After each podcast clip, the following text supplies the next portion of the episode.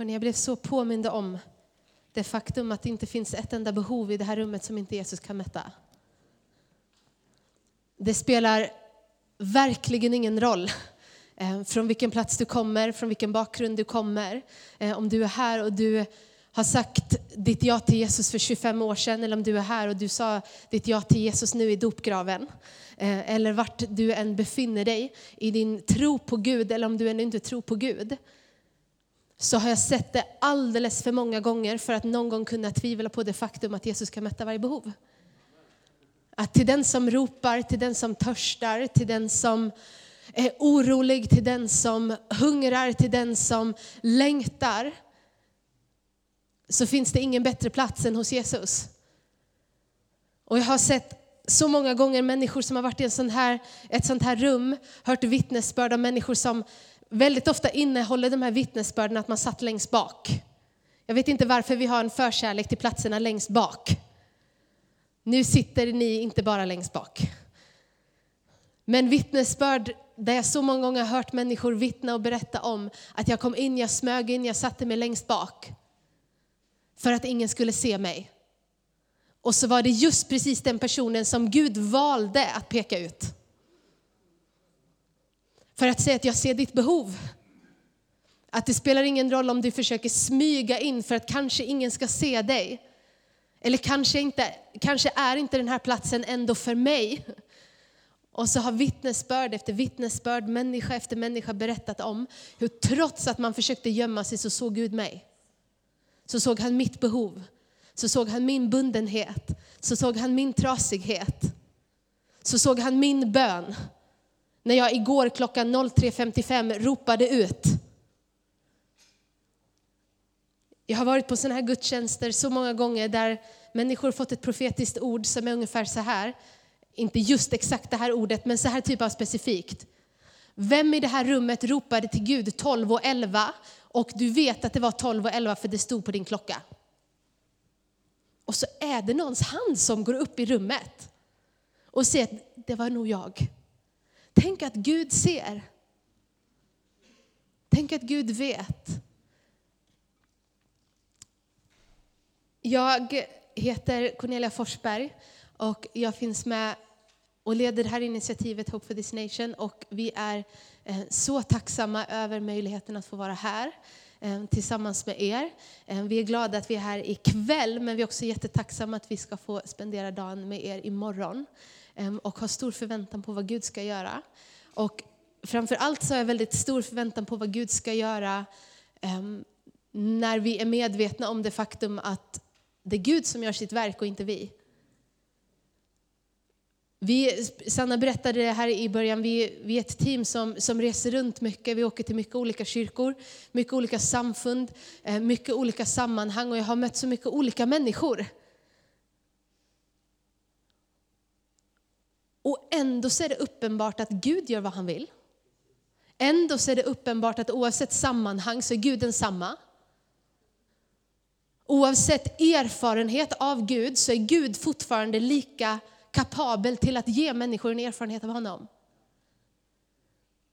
Oavsett om man är i ett sammanhang eller du finns på en plats där du tänker att Gud kan inte möta mig. Så kan han det ändå. För att Gud kan och inte du och jag. Och det är väldigt intressant att, att komma in i en sån här konferens. Ni har redan spenderat dagar eh, tillsammans, men in i en sån här konferens av att komma tillsammans inför Guds ansikte. För jag har lärt mig en sak av Gud, jag, kanske några fler, men en sak har jag fått erfara. Och det är att verkligt på riktigt, när Gud kliver in på en plats, så behöver berg flytta sig. När Gud kliver in på en plats så blir de omöjliga situationerna plötsligt möjliga. När Gud kliver in på en plats så blir det frid. Där det har känts som att det funnits platser, kanske i våra hjärtan, i våra tankar, som har varit så fyllda av oro, av strid, av storm. Och så kliver Gud in. Jag fick eh, bullar och bröd för några veckor sedan på en av våra gudstjänster. Ehm, det här är inte vittnesbördet att jag fick bullar och bröd. Ehm, det var fantastiskt i sig, men det kom fram en kvinna som sa så här, du bad för mig. Och det hade varit så stormigt. Och så bad du och nu är det helt stilla. Så här får du bullar och bröd. Det var jättegoda bullar, jättegott bröd. Och jag är fullt medveten om att det inte var i min styrka. Det var inte genom min professionella förbön. Jag är till och med helt övertygad om det, för när jag satt i den stunden så tänkte jag, vad borde jag be? Utan genom hans ande. Genom det namnet som talar till stormar och stormen tiger, så fick jag bullar och bröd. För att stormen hade stillat sig. I Jesaja 10 i, i Gamla Testamentet ehm, så finns det en vers som på svenska är lite märklig. Men när man läser den i några fler översättningar så börjar man ana ungefär vad det innebär. Och det står ungefär så här, jag parafraserar det, eh, men det står ungefär så här att fettman ska bryta oket. Och det är lite konstigt. Vad då fetma och vad då ok? Typ så. Men när man börjar läsa fler översättningar så står det ungefär så här. Och smörjelseoljan, som i din och min kontext översätt till den helige andes kraft, ska bryta oket, alltså det som var lagt på deras axlar av en börda. Det står in i kontexten av Israels folk och fienden som hade lagt en börda på deras axlar så kommer det ett löfte från profeten som hade ett kall att vadå, inte bara vara en obekväm person, även om det många gånger som Guds folk är också en roll att vi är lite obekväma. För att Guds rike är inte av den här världen. Och sen ibland är vi väldigt bekväma för att människor ska vilja vara med oss, absolut. Men in i en kontext där en profet profeterar inte bara utifrån att han är profet, utan för att han förmedlar Guds ord, Guds hjärta. Vad är det Gud gör? Och så står det att Guds ord kommer till den som är brusten, till den som är bruten, till den som är under oket. Och så säger han, min ande ska bryta ditt ok. Det står inte om ni alla hjälps åt och lyfter av oket så släpper det, utan det står att min ande, min smörjelse är det som bryter oket. Jag hörde ett vittnesbörd ehm, som nådde oss för några dagar sedan bara, någon som hade mejlat oss ehm, och skrivit kort om ett underbart vittnesbörd. Hon hade varit med på en, en livestream ehm, i efterhand eh, på en av våra gudstjänster. Alltså inte tittat ens live, så det var inte livestream utan bara stream. Typ någon vecka efter. Och så skrev hon att jag var med och tittade på det här i efterhand och så somnade jag. Det är ett gott betyg när folk somnar på gudstjänsten. För då är Guds ande där, tänker jag. Med frid och vila. Och så skrev hon så här, jag somnade och så vaknade jag upp. Och gudstjänsten var slut och hon hade somnat och hon vaknade upp dagen efter och så var hon hel i sin kropp. Hon hade alltså blivit hel i sin kropp genom att somna till en gudstjänst i efterhand.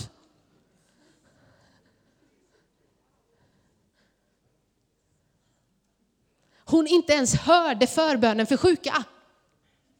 Utan hon sov. Men det är för att det är Guds ande som bryter oket. Det betyder att du kan sova till lovsång och vakna upp förnyad och förvandlad. För att det är Guds ande som rör vid dig och mig. Till frihet, till helande, till upprättelse. Vi hade ett annat vittnesbörd för några år sedan. Det här var också över stream. Nu låter det som att vi bara livestreamar. Det gör vi inte. Men det här var under covid. Och då behövde alla göra det. nästan i alla fall. Och så hade vi en, en, var med på en konferens över livestream. Och vi hade ett, ett seminarium och vi eh, hade upplevt ett ord innan, ett kunskapens ord. Ehm, ibland så talar Gud om situationer eh, i människors liv, inte bara för att vi ska kunna säga så här, aha, Gud eh, vet det här om dig. Utan för att Gud vill dels väcka tro i ditt och mitt hjärta att han känner dig, att han vet om din situation. Men så många gånger så rör han också vid den situationen till, kanske är det helande eller frihet. Och i det här, vid det här tillfället så var det en kvinna som hade varit med också i efterhand, kom jag på nu. Så hon var inte heller med på livestream utan bara stream. Hade lyssnat på det här seminariet i efterhand och vi hade delat ett ord om att Gud ville hela ryggar. Räta upp ryggar. Och så var det en äldre dam, hon kanske var i 65-70 års åldern, som hade varit med på och lyssnat som sagt i efterhand. Och så hade hon hört det här ordet om ont i ryggen eller om en nerböjd rygg eller ryggsmärta. Och hon själv hade haft problem med sin rygg och sin höft sedan hon var barn. Eh, jag tror det var sedan mellanstadieåldern, så hon hade levt med sin smärta i väldigt, väldigt många år och hade en skolios i sin rygg. Och så var hon med på det här seminariet, hörde det här ordet och så tänkte hon när hon såg det i efterhand, nu ska jag be för alla andra som jag känner som ont i ryggen. Hon bad inte själv ens om att Gud skulle röra vid henne. Utan hon bad en bön i den stunden, Gud, rör vid alla som jag känner som har ont i ryggen. Och satt i sin soffa hemma. Och sen beskriver hon det ungefär så här, det kan vara så att jag minns det lite fel hur hon beskrev det, men ungefär så här. Att det var som att någonting började bubbla i kroppen och det började skaka i benet och röra sig. Hon var hemma själv i sin soffa tittade på en gudstjänst återigen i efterhand, bad för någon annan och inte sig själv. Och hennes ben började röra sig. Och hon blev hel ifrån smärtan hon hade haft sedan hon var barn. Och hon var 65-70.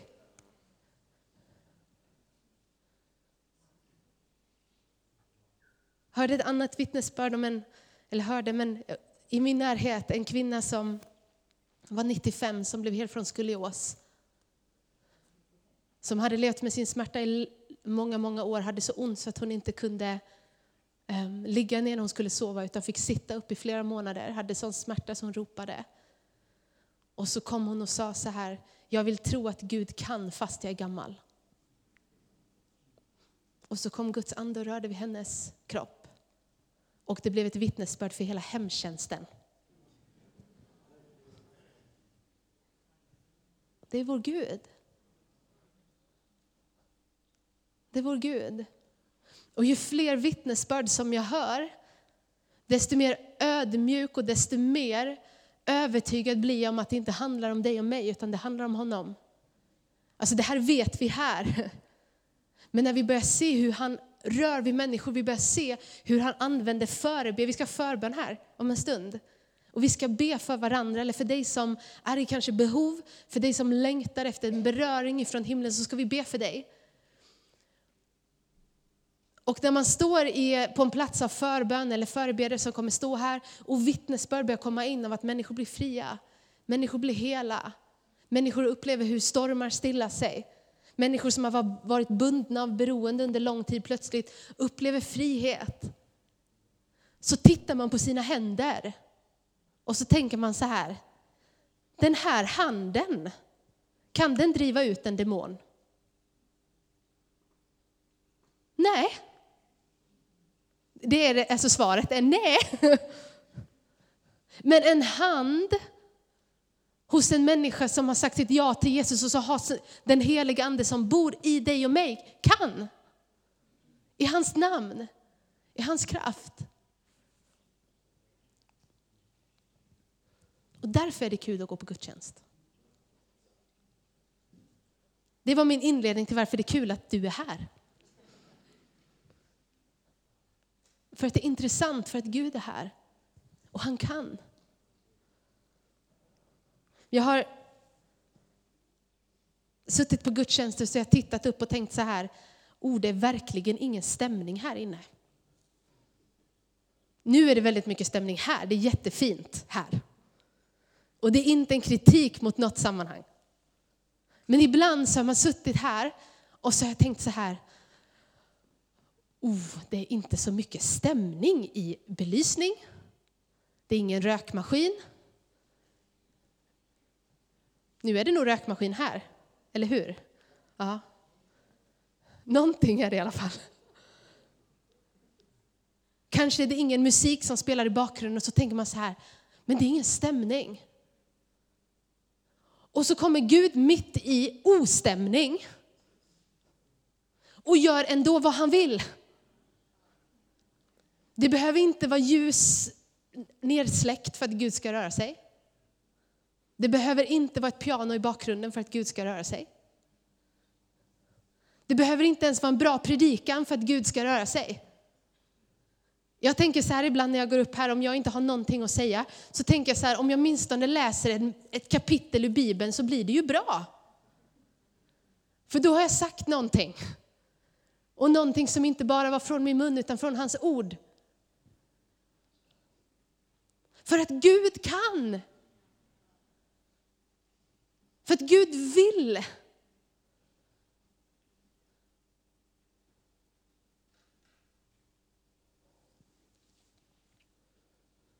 Ibland så sitter vi så här och så utvärderar vi den som talar. Nu är det inte så, ni får gärna utvärdera mig. Jag tar gladeligen emot konstruktiv feedback. Men ibland sitter vi här och så utvärderar vi det som händer här. När i själva verket enda anledningen till varför vi är här är för att himmelens Gud längtar efter att komma och ta sin boning bland hans folk och göra sig känd i våran mitt och möta med dig.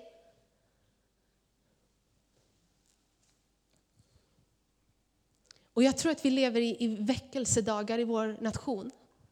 Jag tror att vi verkligen lever i en sån typ av tid. Och väckelse innehåller lite olika saker. En del av oss när vi hör ordet väckelse får direkt en bild framför sig. Sanna sa det för någon gång för flera år sedan. När hon tänkte på väckelse så tänkte hon på svartvita bilder med människor i hatt. Och kanske var du med i väckelsetid för ett gäng år sedan och hade hatt. Då vet du vad hon pratar om. Men vi har olika bilder, vad är väckelse? Kanske några här inne har läst historieböckerna om kyrkans historia på olika sätt och läst om när Gud har brutit in i människors liv. Eh, läst om hur Gud bröt fram i New York, på Azusa Street, på andra platser runt om i världen och så läser man wow vad Gud har gjort. Och så tänker vi på väckelse. Och väldigt många gånger så är väckelse att människor kommer till tro för att det är ofta frukten av en väckelse. Det är att plötsligt börjar ett sammanhang som kanske innan inte har sett så mycket människor komma till tro. Plötsligt är den här dopgraven fylld av människor. En efter en som bara vill gå ner och döpa sig. Några av er såg att ni hade planscher här ute från den här biofilmen Jesus Revolution. Som skildrar en, en väckelserörelse eh, 70-80-tal. Av människor som började komma till tro och där det fyllde liksom en hel havsvik med människor som ville döpa sig. Så de stod där och döpte och döpte och döpte. Det är väckelse. Det är när människor som var döda nu har kommit till liv i Kristus. Men det som vi ibland inte tänker på när det kommer till väckelse, det är mer vad faktiskt ordet innehåller, det är att bli väckt. I historien när stora nedslag ifrån Gud har kommit, när människor plötsligt har kommit till tro, så sker väldigt, väldigt ofta, det behöver inte göra det men nästan alla gånger, så sker det någonting hos dig och mig som tror. Och det är ett uppvaknande. Det är en väckelse, det är som en väckarklocka som går igång här. Där plötsligt det som vi har trott på i hela våra liv, typ Jesus älskar mig. Plötsligt blir Jesus älskar mig, jag måste berätta för alla. Här någonstans här emellan så händer en väckelse. En uppenbarelse av att det faktum att Jesus älskar dig är inte en liten fakta utan en väldigt stor sak. Plötsligt händer det någonting av att ja, den heligande bor i mig. Va? Den heligande bor i mig, jag kan lägga händerna på de sjuka och de blir friska. Här någonstans emellan sker väckelse.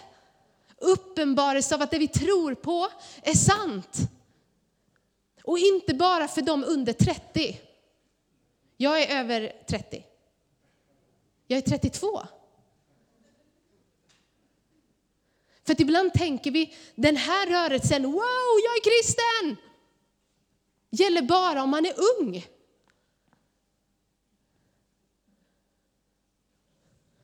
Jesus var 33.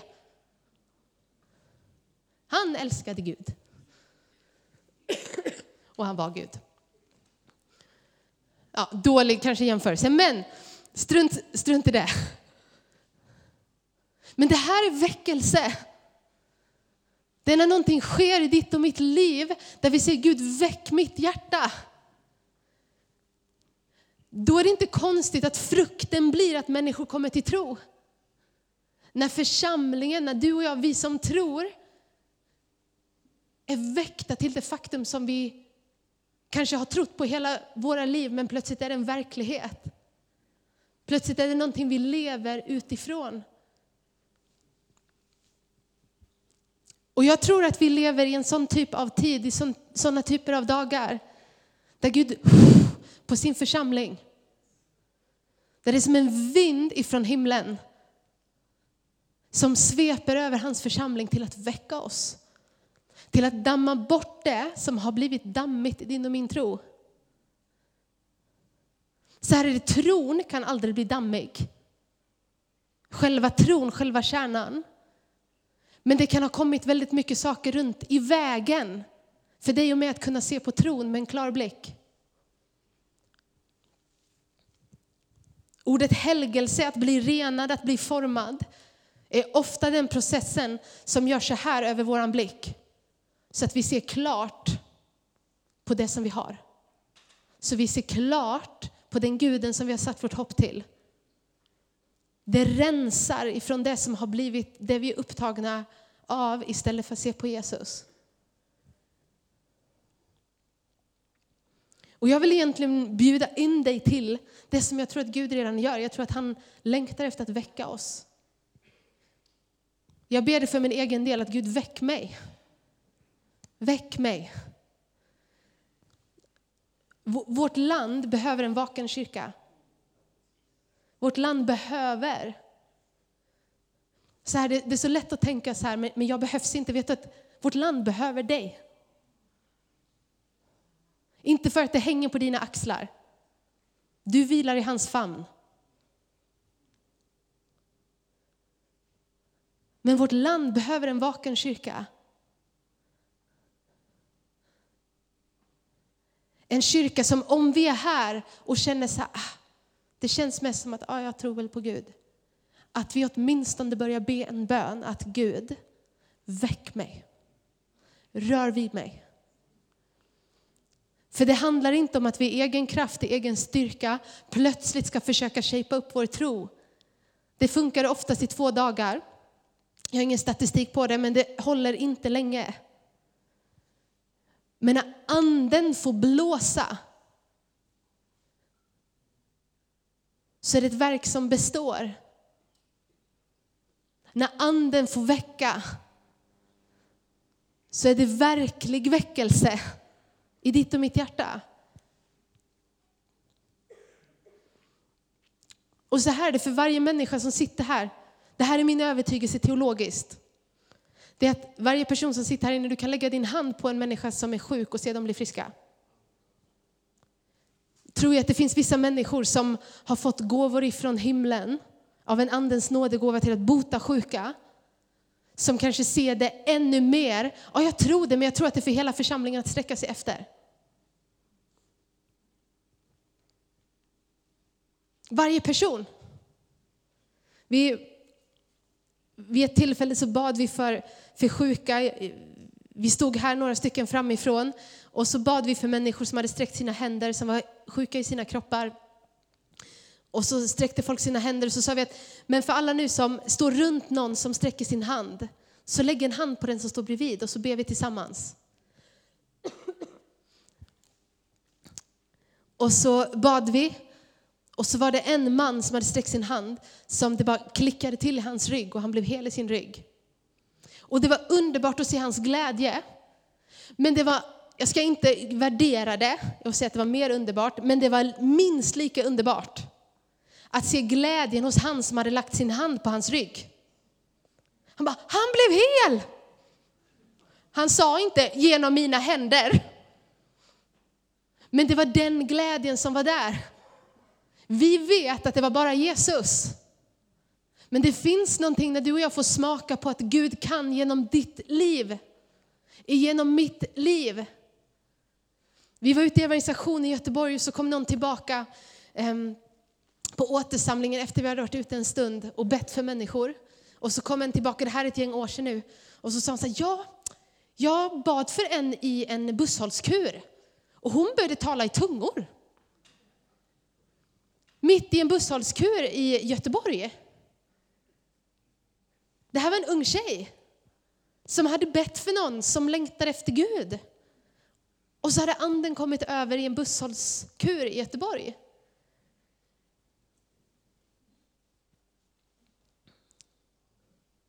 Gud har sagt om sin, försam sin församling att ni är en stad på ett berg. Det står i Jesaja 60 att över dig ska ett ljus gå upp och människor ska komma till det ljuset när mörker, mörker och töcken täcker jorden.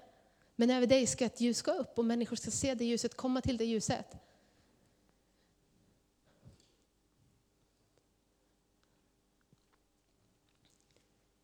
I Andra Mosebok, jag ska avsluta alldeles strax, i Andra Mosebok så har Mose och Gud en konversation och jag återkommer ofta till det här kapitlet och den här passagen för det berör mig så djupt.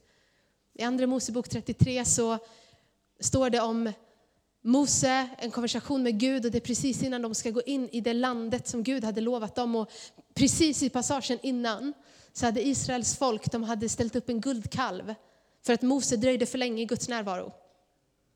Så de började tillbe en kalv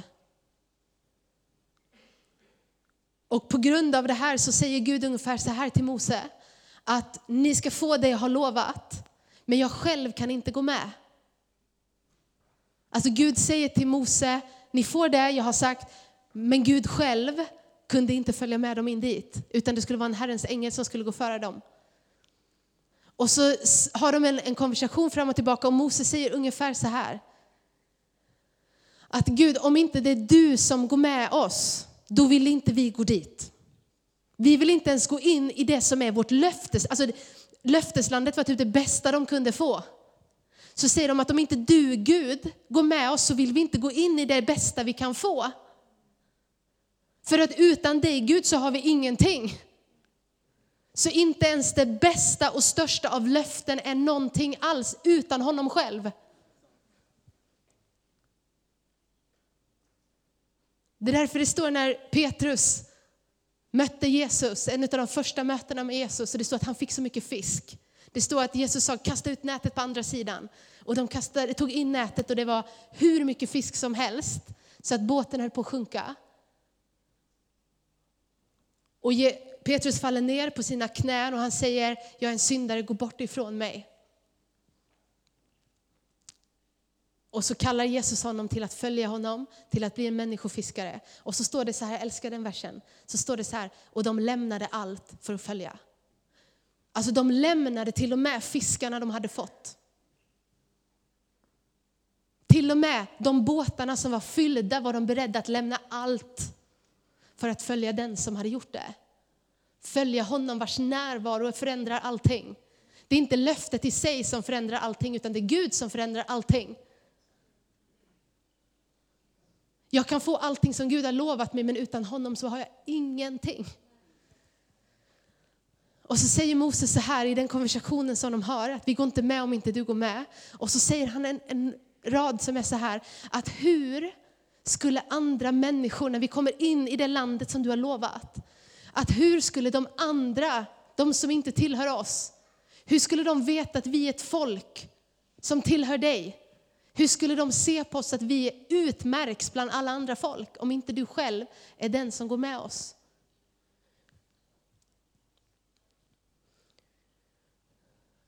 Det som är kallat Det som vi är kallade till att låta utmärka oss är Guds närvaro. Är Guds ande. Är honom själv. Vet du att jag har ingenting att ge om det inte är Gud. Petrus och Johannes när de möter den lame mannen säger silver och guld det har jag inte men det jag har det ger jag dig, stig upp och gå i Jesu namn. Alltså vi har ingenting att ge om det inte är Gud. Jag har sagt att jag ska avsluta eh, en gång. Nu säger jag det en gång till. Jag ska nu avsluta alldeles strax. Men jag jobbade som ungdomsledare innan vi klev ut i det här. I Göteborg, i en församling som heter Smyrnaförsamlingen där, en underbar församling där jag fortfarande finns med. Och jobbade med ungdomar där och jag insåg ganska snart när jag blev ungdomsledare att jag hade ingen chans i att matcha andra saker, andra verksamheter för ungdomar i vår stad genom att göra den ungdomsverksamheten som jag ledde till den mest coola. Jag hade ingen möjlighet, varken i den budgeten jag hade fått, det var en god budget, absolut, men jag insåg att jag kan inte. Det spelar ingen roll om jag drar hit en rökmaskin så kommer någon ha en större rökmaskin. Om vi tränar riktigt hårt i lovsången så kan man ändå gå på konsert på Ullevi.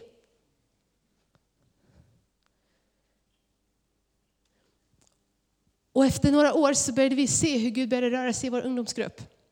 Och ungdomar kom dit och så sa de så här, det är någonting i luften här. Vad är den här elektriciteten som ni har här? Ja, det är inte elektricitet, tack gode Gud.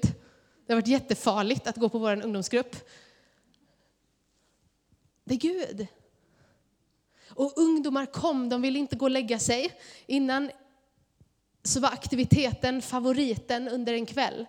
Det var när vi skulle åka och göra någonting. Och, och det slutade med när Gud började röra vid ungdomsgruppen att de ville ha bönenätter hela tiden. Så vi ledare vi behövde vara uppe hela nätterna för att kontrollera att det gick okej. Okay. För att det var någonting i luften. Och det är det här vi vill ha. Det är det här vi längtar efter. Att människor ska komma in i Furuhöjdskyrkan och säga att det är någonting i luften här. Eller nästa år när ni har Roslagskonferensen, oavsett vilken plats ni är på, att säga det är någonting här. Det är någonting här som gör mig fri. Jag pratade med en kvinna i måndags, vi har lovsång varje eh, vecka i Göteborg och, och möts och, och kommer inför Gud tillsammans. Så, så bjuder vi in människor vi möter på gatorna som inte känner Jesus än. Och det var en kvinna som satt där som utifrån det samtalet vi hade gissar att hon inte hade en, en, en tro som hon bekände sig till på det sättet. Hon kanske hade med en barnatro, men inte en levande tro. Och direkt att hon kom in där, innan Noé hade ens börjat, så började tårarna strömma.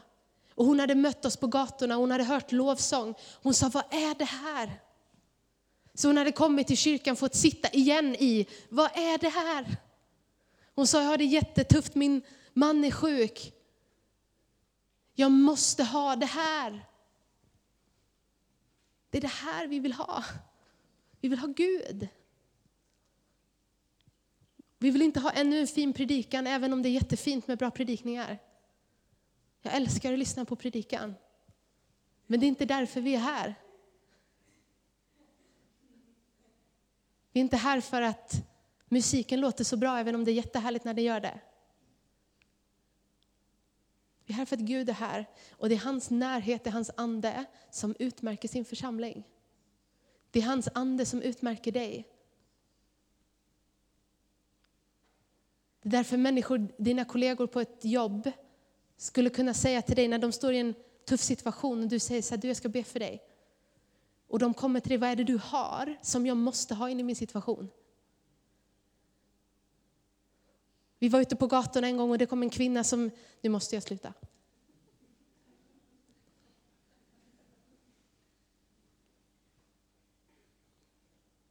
Vi var ute på gatorna och så stod jag tillsammans med en till i vårt team ehm, och pratade med en, kvinna, hon kom inte från Sverige men hon var utbytesstudent, ehm, var i Göteborg Och så ställde hon sig och vi hade ett samtal och så sa hon så här, vad är det för att när jag bara står nära er så blir jag fylld av glädje. Hon nästan gjorde en sån här, du vet, backade, gick närmre, backade. Hon gjorde inte riktigt så det här är min överdrift på det här vittnesbördet, vilket man inte ska göra. Men hon märkte att det är någonting när jag kommer nära er så blir jag fylld av glädje som jag inte hade när jag inte pratade med er. Och jag kände mig inte sådär värst super extra glad just den dagen. Men det är för att han som bor i mig är glädjens olja.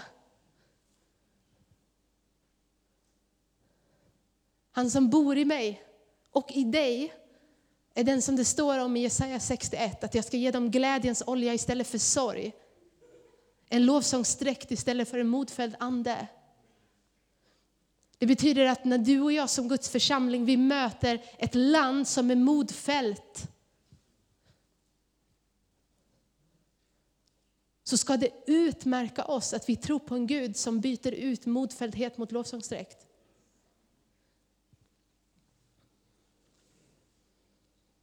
Och det är inte bara genom några få, utan det är genom hans folk.